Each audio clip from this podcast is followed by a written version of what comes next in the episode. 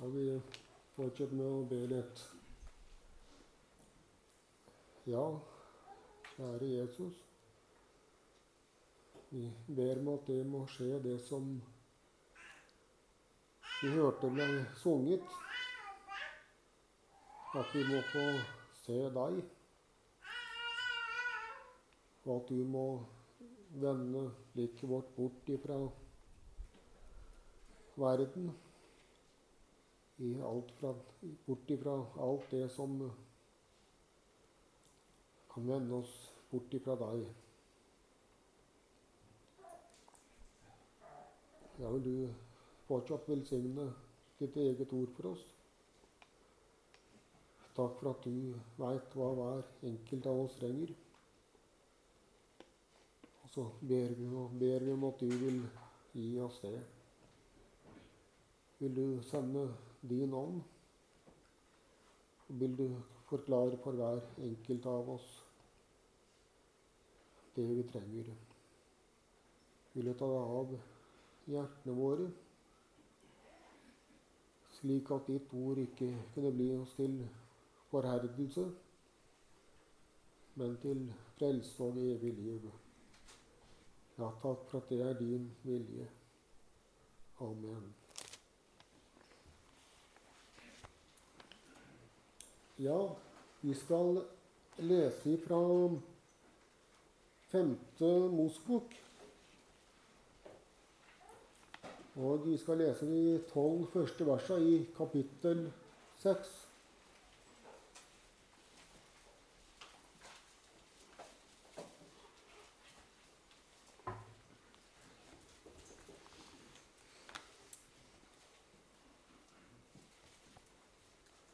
Femte Mosebok, kapittel 6, ifra vers 1 i Jesu navn. Dette er de bud, de lover og de forskrifter som Herren deres Gud har befalt meg å lære dere, og som dere skal leve etter i det landet dere drar over til og skal ta i eie. Slik skal du frykte Herren din Gud og ta vare på alle Hans lover og bud som jeg byr deg, både du og din sønn og din sønnesønn, alle ditt livs dager, for at dine dager må bli mange. Så hør, Israel, og akt vel på å holde dem, så det må gå deg vel og dere må øke og bli tallrike, slik som Herren, dine fedres Gud, har lovt deg, i et land som flyter med, land, nei, med melk og honning. Hør, Israel. Herren er vår Gud. Herren er én. Og du skal elske Herren din Gud av hele ditt hjerte og av hele din sjel og av all din makt. Disse ordene som jeg byr deg i dag, skal du gjemme i ditt hjerte, og du skal innprente dem i dine barn. Du skal tale om dem når du sitter i ditt hus, når du går på veien, når du legger deg, og når du står opp. Du skal binde dem som et tegn på din hånd de skal være som en minneseddel på din panne. Du skal skrive dem på dørstolpen i ditt hus og dine porter. Når Herren din Gud fører deg inn i det landet han med ed har lovt å gi dine fedre, Abraham, Isak og Jakob, store og gode byer som du ikke har bygd hus fulle av gode ting som du ikke har samlet, utgravde brønner som du ikke har gravd, vingårder og oljetrær som du ikke har plantet, når du eter og blir mett. Da ta deg vare at du ikke glemmer Herren, som førte deg ut av landet Egypt, av trellehuset. Femte Mosebok det består jo i all hovedsak av tilbakeblikk på vandringen gjennom ørkenen. Og det er også en repetisjon av de bud og de befalinger som Herren tidligere har gitt gjennom Moses. Og nå er det ikke lenge til Israels barn skal gå over Jordan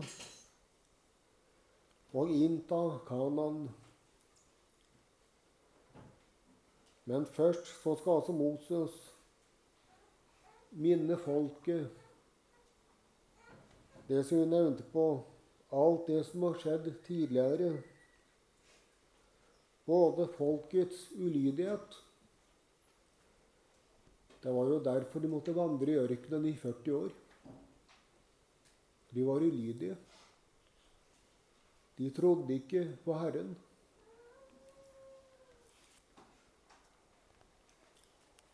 Men han minner dem også om Herrens langmodighet. Og på bakgrunn av det som skjedde under ørkenvandringen, ja, så er det desto viktigere å minne folket om Herrens påbud og forbud. Og ikke minst er det om å gjøre å tilskynde folket til å rette seg etter Herrens ord. Og det ser vi også i det som vi leste helt til å begynne med. her. Og først da ser vi jo det i, i vers 1 her at det er ikke noe som Moses har funnet på. Det er ikke sine egne ord han kommer med.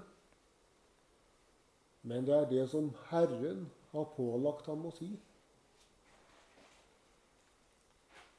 Og disse ord må de akt på å følge, slik at, som det sto her, at de kunne leve lenge og bli mange i det gode landet som de nå skal innta, og som Herren skal gi dem.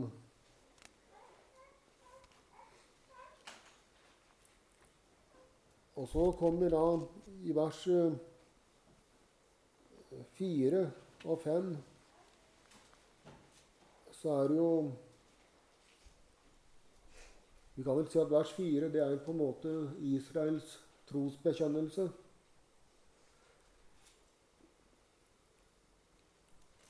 Og der står det jo Hør, Israel, Herren er vår Gud. Herren er én. Herren er Israels Gud. Han er det han var De kunne si at han er vår Gud. Men så sto det også at Herren er én. Men hedningefolkene hadde mange forskjellige avguder. Så skulle israelittene ha én gud. Det var Herren, Han som hadde skapt himmel og jord. Han som hadde ført dem opp ifra landet Egypt. Han som hadde tatt seg av folket 40 år i ørkenen. Han hadde gitt dem mat hver eneste dag i ørkenen, der det ikke var noe å spise. Der hadde han sørga for dem hver eneste dag. Hver eneste dag hadde de fått akkurat nok. Ikke for mye, ikke for lite. De fikk nøyaktig det de trengte.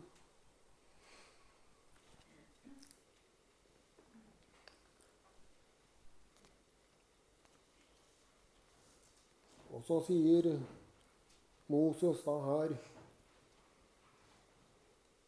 Han skal være deres Gud. Han skal være deres herre i alle ting.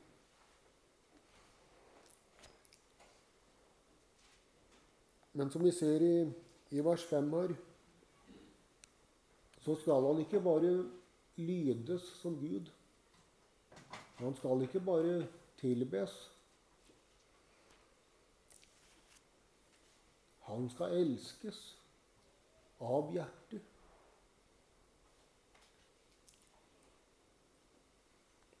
Og så står det her om um, av hele ditt hjerte, av hele din sjel og av all din makt. Um, nå fant jeg ikke noen god forklaring på nyansene i disse uttrykkene. Men vi forstår at det har med vårt innerste å gjøre. Hjertelivet, viljeslivet. Og vi veit det at i flere diktaturstater Der vet vi at mennesker de blir tilbedt. De blir forguda. Og i det ytre så blir de elska som avguder. Men det er fordi de krever det. Det er ikke fordi at folket elsker dem av hjertet. Det er fordi at eh, de som har makta, de er maktsyke. De er despotiske, de er onde. Derfor så krever de å forgudes. Men det er en tvungen tilbedelse. Det er en ytre kjærlighet.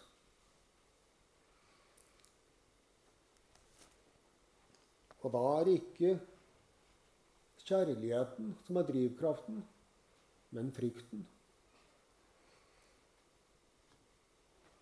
Det er ikke en slik tilbedelse Gud vil ha.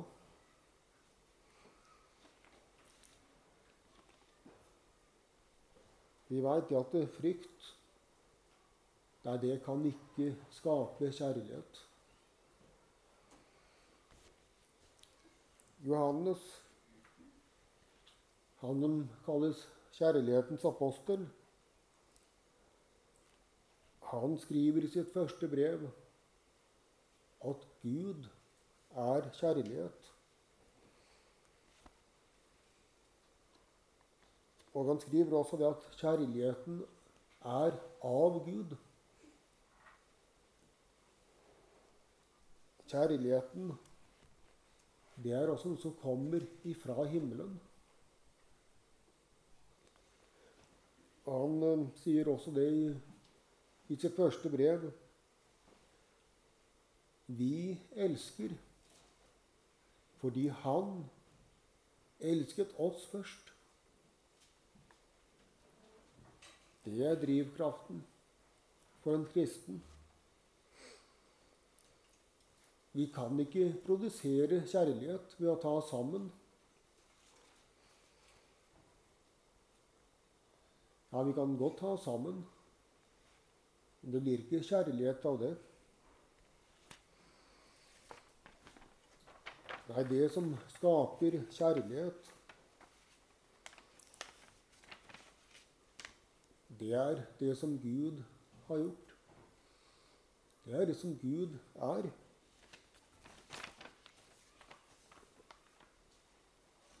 Hmm. Ja.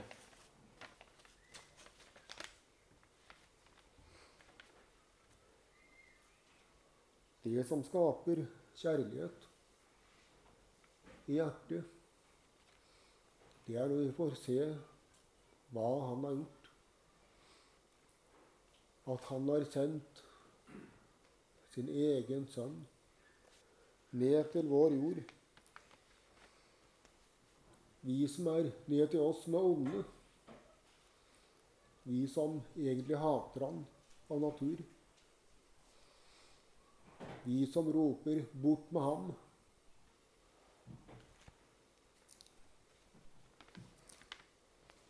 Til slike har Gud sendt sin sønn til soning for slike synder. De som hater ham.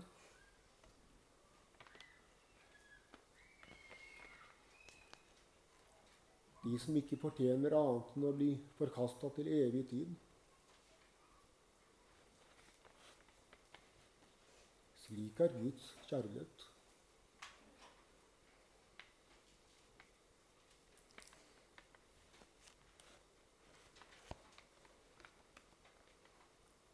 Og så er det denne kjærligheten som skulle få rom i våre hjerter. Og som også skulle gjennomsyre oss og prege oss i all vår ferd. Både i våre tanker, i våre ord og i våre gjerninger. Vi vet at det står om Maria, Jesu mor, at hun gjemte det som hun hørte, i sitt hjerte. Hun grunnet på det. Det samme skal vi gjøre med Guds ord. Vi skal ta det til oss.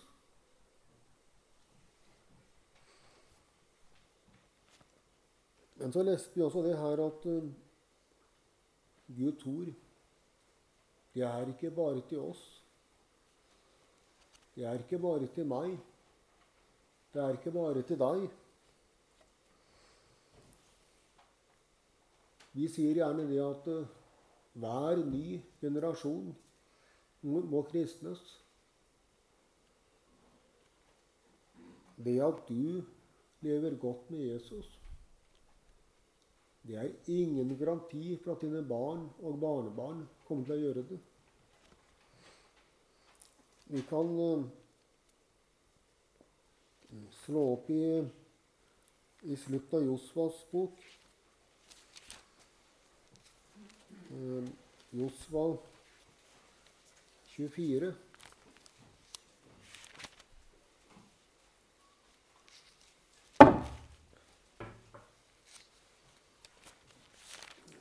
Så står det helt mot, helt mot slutten der i vers 31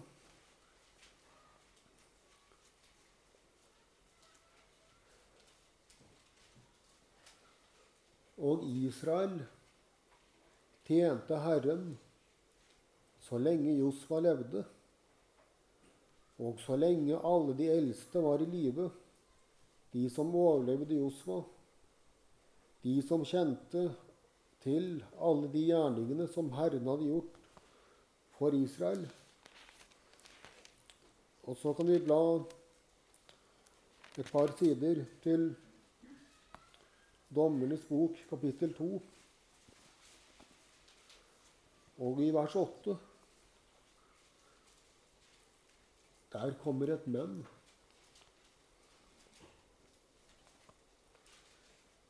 Men så døde Josfa, Nuns sønn, Herrens tjener.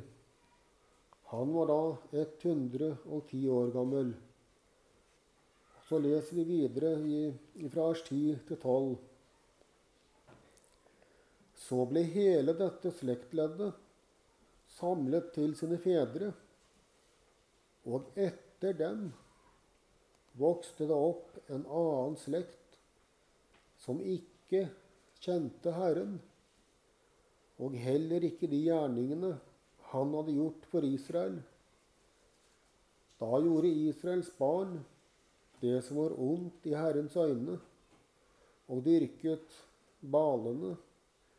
De forlot Herren, sine fedres Gud, han som hadde ført dem ut av landet Egypt. Og de fulgte andre guder, de gudene som folkene omkring dem hadde. Israels barn tilba dem og vakte Herrens frede.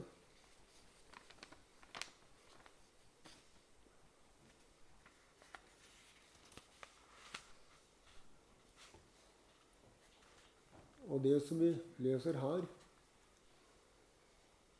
det skulle være til ettertanke for oss, vi som lever i dag. Vi lever i en frafallstid. Det kan vi ikke unngå å legge merke til. Så leste vi her at så lenge Josfa og hans generasjon Ja, så tjente de Herren.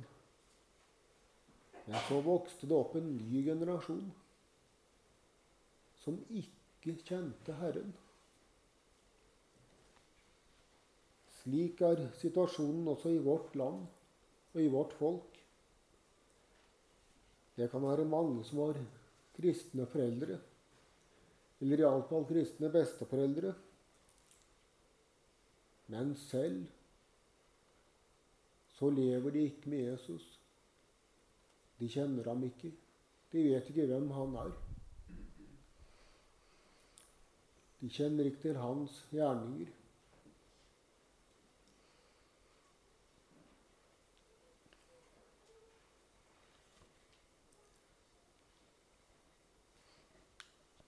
Og da har du som har foreldreansvar, god grunn til å spørre hvordan skal det gå med mine barn og mine barnebarn? Hvordan skal det gå med dem?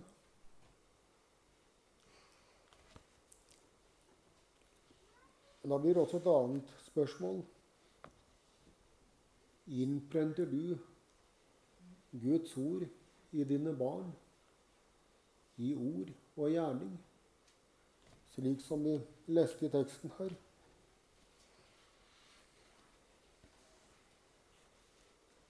Tenk om det skulle skje på dommens dag. Du blir frelst, men dine barn går fortapt. Og så peker de på deg, og så sier de Du så at jeg gikk på, fortapelsens vei, men du sa det ikke.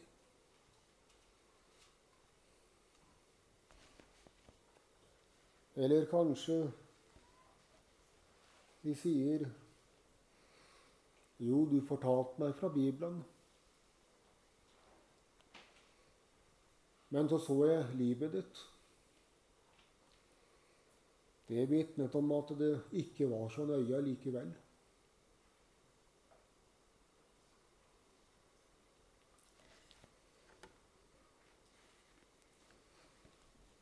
Ja, det er alvorlig å tenke på.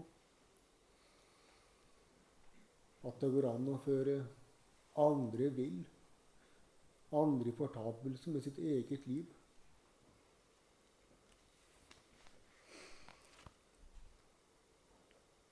Og da forstår vi at det er ikke uten grunn at det står her at uh, Guds ord, Guds befalinger, det må gjennomsyre hele livet. Og det må begynne et sted. Det må begynne i hjertet. Jesus sier et sted at det hjertet flyter over av, det taler munnen. Men det hjelper lite å si at det er viktig å gå på møter hvis du sjelden går på møter. Det hjelper ikke å snakke om bibeltroskap hvis eh, Bibelens ord egentlig ikke er så viktig for deg allikevel, når det kommer til stykket. Og da forstår vi det at, eh,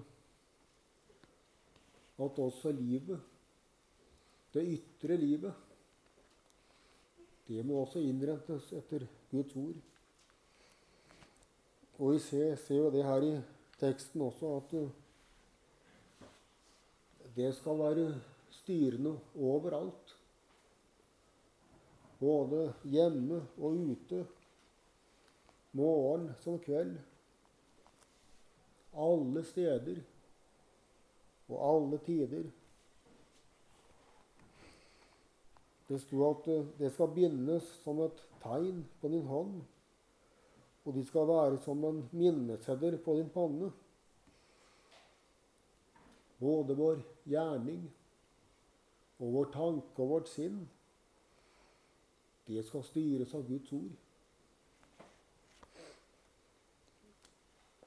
Og så ser vi, ser vi videre fra vers 10 her at når Herren velsigner oss med jordiske gaver, da må vi ta oss i vare, så vi ikke glemmer Gud. Israels barn de skulle nå gå inn i, i Kanan. Og de skulle overta det som kanonitten hadde bygd opp. Og det sto jo her i, i det vi leste i vers, i vers ja, 10 og 11.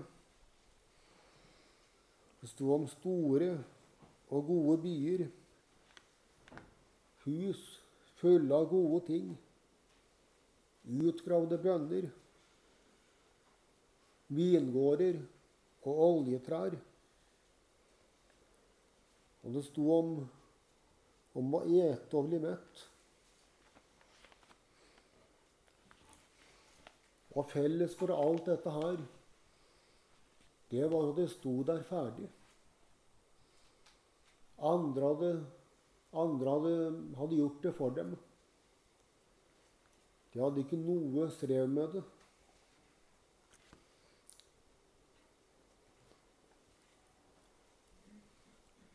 Og da må jeg tenke på Du kan si at det er kanskje eh, litt feil å tenke sånn, men allikevel Det som det står om her, det er ingenting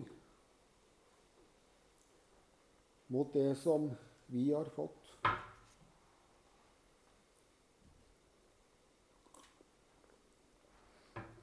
Og da tenker jeg ikke da tenker jeg ikke på, på, den jordiske velsignelse. Da tenker jeg ikke på, på rikdom og olje og alt det der. Nei, jeg tenker på det som vi har arva ifra våre åndelige fedre. Vi kan tenke på Luther og reformasjonen. Vi fikk Bibelen på vårt eget språk. Vi kunne lese Guds ord. Det er ingen selvfølge at det skulle gå sånn. Og vi kan tenke på vekkelsene som vi hadde. Først med Hauge, så med Rosenius. Og så har vi overflod av, av oppbyggelig litteratur. Vi har bøker, små og store.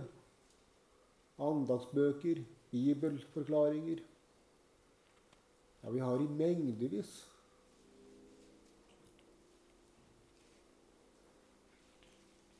Og vi kan lytte til taler og bibeltimer fra Internett av litt nyere dato.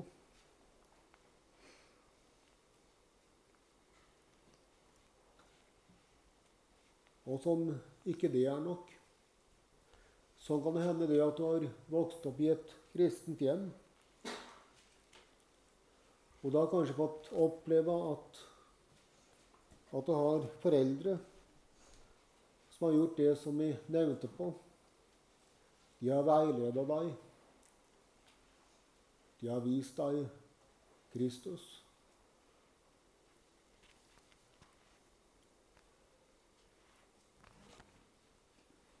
Og så har du kanskje fått vokse opp under sunn og god forkynnelse. Og ikke minst du fikk selv vokse opp sammen med Jesus. Det er jo det største en kan få. Det er Jesus. Men så kan det hende det at du står på valg, eller har stått på valg. Det blir gjerne slik i løpet av livet. For at det er så mye som lokker og drar på deg. Det er så mye som vil ta Guds plass i hjerte og i sinn. Og det kan både være egenrettferdighet, men det kan også være fritidsinteresser.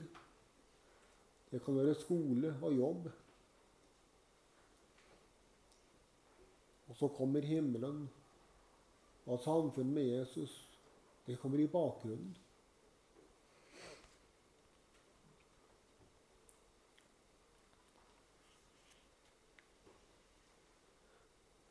Ja, Derfor så må vi minne, minne hverandre om at Guds rike, det må søkes først av alt. Det betyr at alt som kan hindre deg i å nå himmelen, det må vike. Kanskje har du en hobby eller en jobb som tar tiden din, tanken din, det tar kinnet ditt. Du blir ikke opptatt med det. Kanskje er det mye å gjøre. Og så blir det vanskelig å få tid til å gå på møter. Slik kan det også være med, med idrett, trening og kamper når det er møtetid.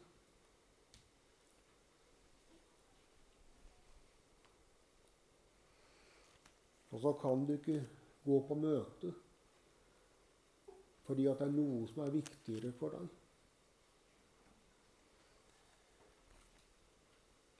Ja, da er det virkelig fare på ferde hvis det er slik.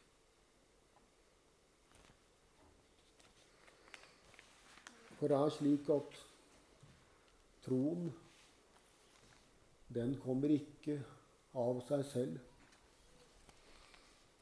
Den kommer av forkynnelsen.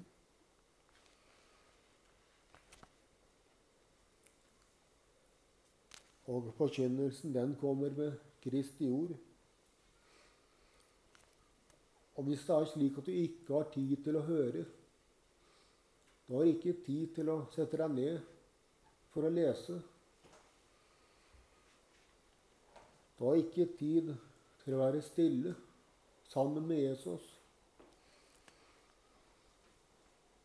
Da får heller ikke Guds ånd noe å arbeide med. Da kan heller ikke Guds ånd få deg talende. Hva hjelper det om Jesus er den gode hyrde,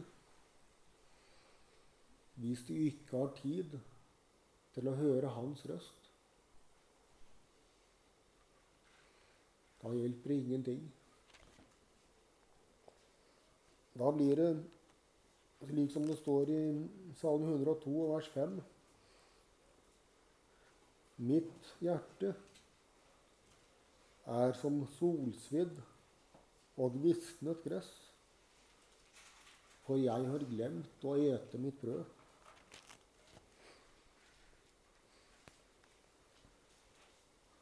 Og det er nettopp det som skjer hvis Guds ord ikke får rom i hjertet. Da dør livet ut. Da visner det. Og så kan det hende det at du ikke merker det selv. Det er det som er så farlig. For at det går så sakte og umerkelig. Du får mindre og mindre behov å lese. Du får mindre og mindre behov for å høre. Og til slutt så er Ja, du, du er fortsatt kristen i navnet. Og du går fortsatt på møter. I hvert fall noen møter. Men møtene, de er et ork. De er et pliktløp. Det er noe du må.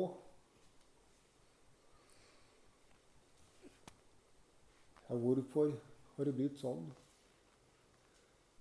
Jo, du har glemt Herren. Han som førte deg ut av landet Egypt, ut av trellhuset. Det er ikke lenger syndenes forlatelse som er det viktigste i livet. Nei, i beste fall, eller kanskje i verste fall, så er det bare en teori. Det er noe du kan med forstanden. Eller, eller du tror i hvert fall at du kan det.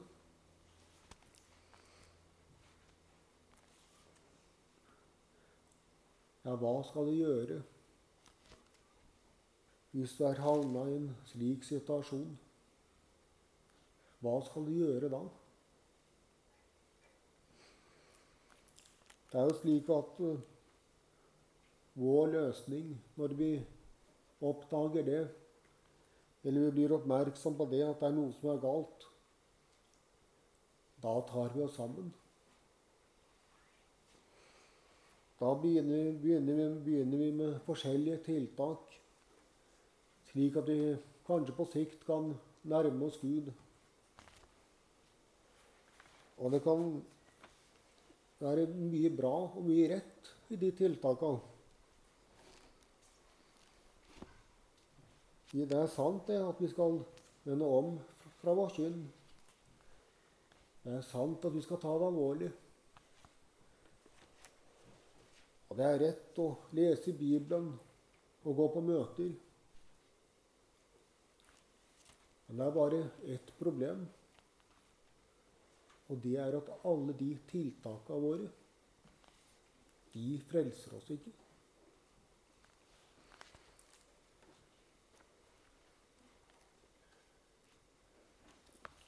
Vi som var her i, i går kveld, vi husker kanskje et uttrykk som Sigbjørn brukte. Det er et uttrykk som jeg er veldig glad i. Han snakket om Guds løsning. For det er slik at alle våre løsninger de kan aldri føre oss til himmelen. Uansett hva vi gjør, så kan vi aldri bli rettferdige for Gud. For vi er onde på, på, på bunnen. Og så er det slik med alle våre løsninger og våre tiltak. Det blir sånn som med det vannglasset som jeg har her. Det blir tomt en gang. Og når det er tomt, ja, da er det jo ikke noe mer.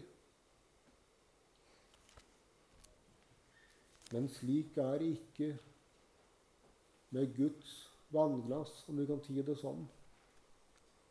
Det blir aldri tomt.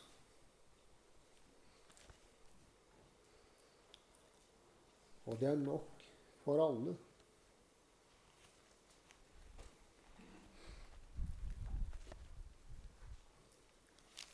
Og hva er det som er Guds løsning? Det er Jesus. Det er løsningens navn. På norsk så heter løsningen 'Herren frelser', eller 'Den Gud bruker til å frelse'.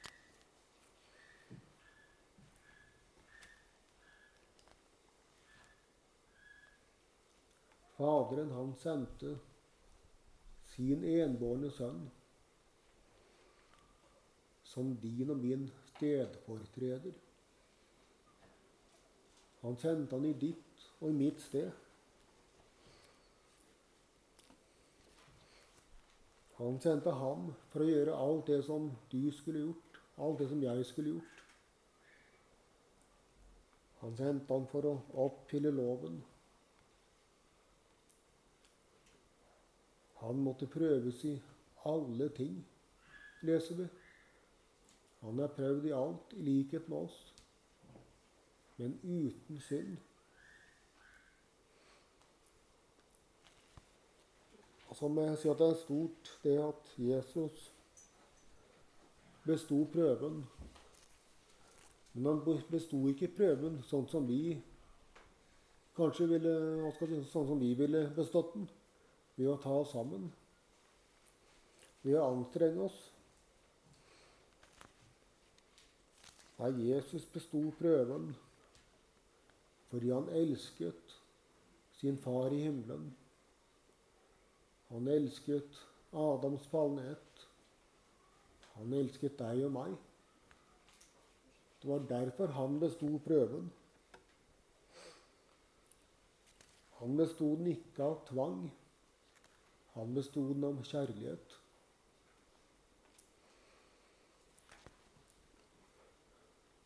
Og det var slik at da han blei hengende på korset, så veit jo det at det var jo flere som ropte at han skulle stige ned. Da skal vi tro. Men han blei hengende. Det var av kjærlighet til deg og til meg. Vi som sliter med et bunnløst syndeforderv. Eller kanskje problemet er at vi ikke sliter med det. Det er kanskje heller det som er problemet. Vi skulle virkelig slitt med det. Men det er ikke et så stort problem for oss som det skulle vært.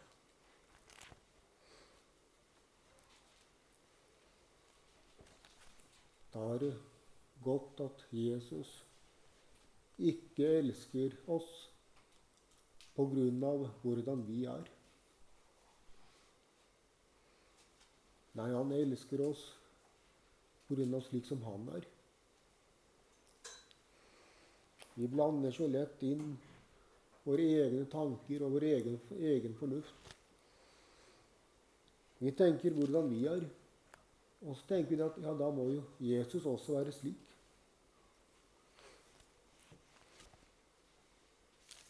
Ja, Derfor er det viktig at vi gir akt på hva Guds ord sier. At vi lar det få rom i hjertene våre.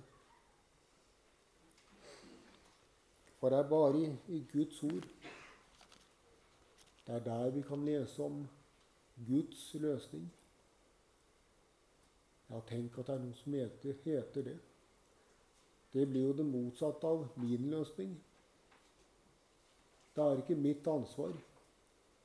Da er det Gud som har ordna opp. Da er det han som har satt i verk. Da er det han som har fullført det. Han har gjort det i sin egen sønn. Og det er ved at det blir åpenbart for oss, at det nye livet vokser fram. For da blir det ikke kraftanstrengelser da blir det ikke at, at jeg skal få det til, eller at jeg skal fortjene noe. Nei, da er det Jesus selv som bor i meg. Da er det Jesus som er mitt liv.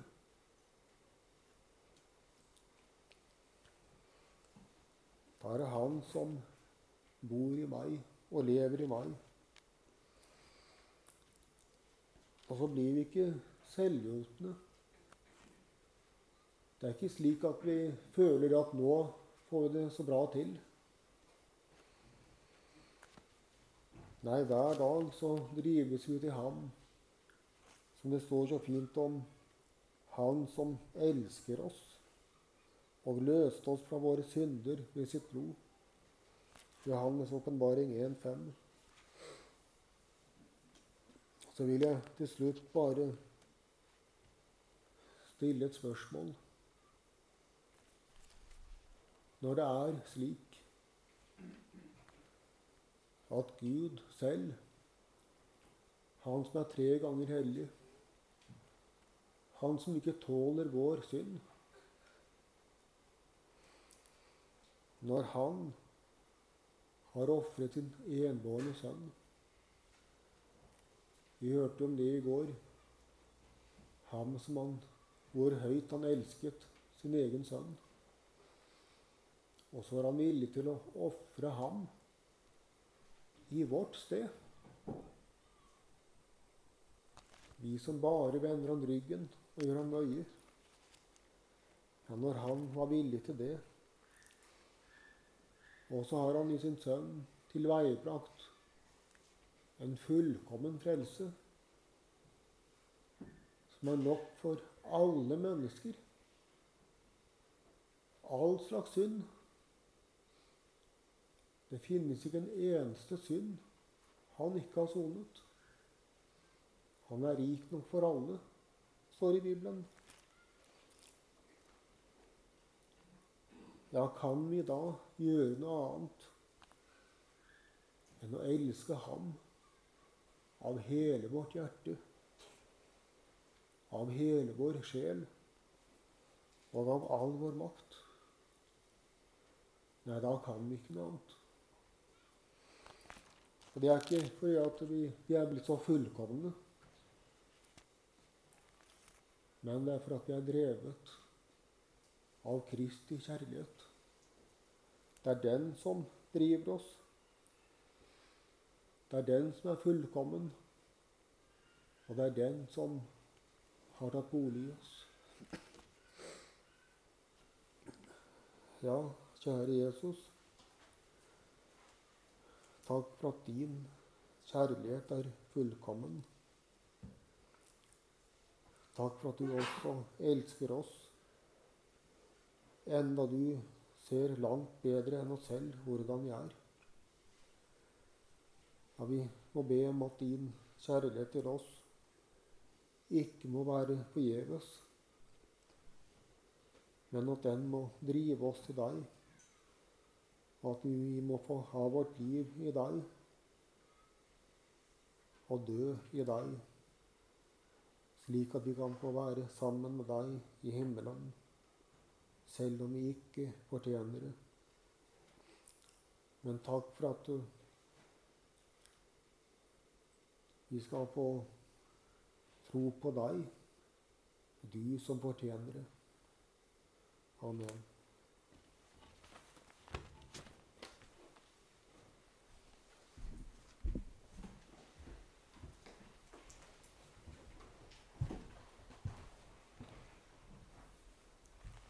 Da synger vi videre på nummer 362. Led meg hen til frelsens klippe, på meg selv jeg stoler ei. 362.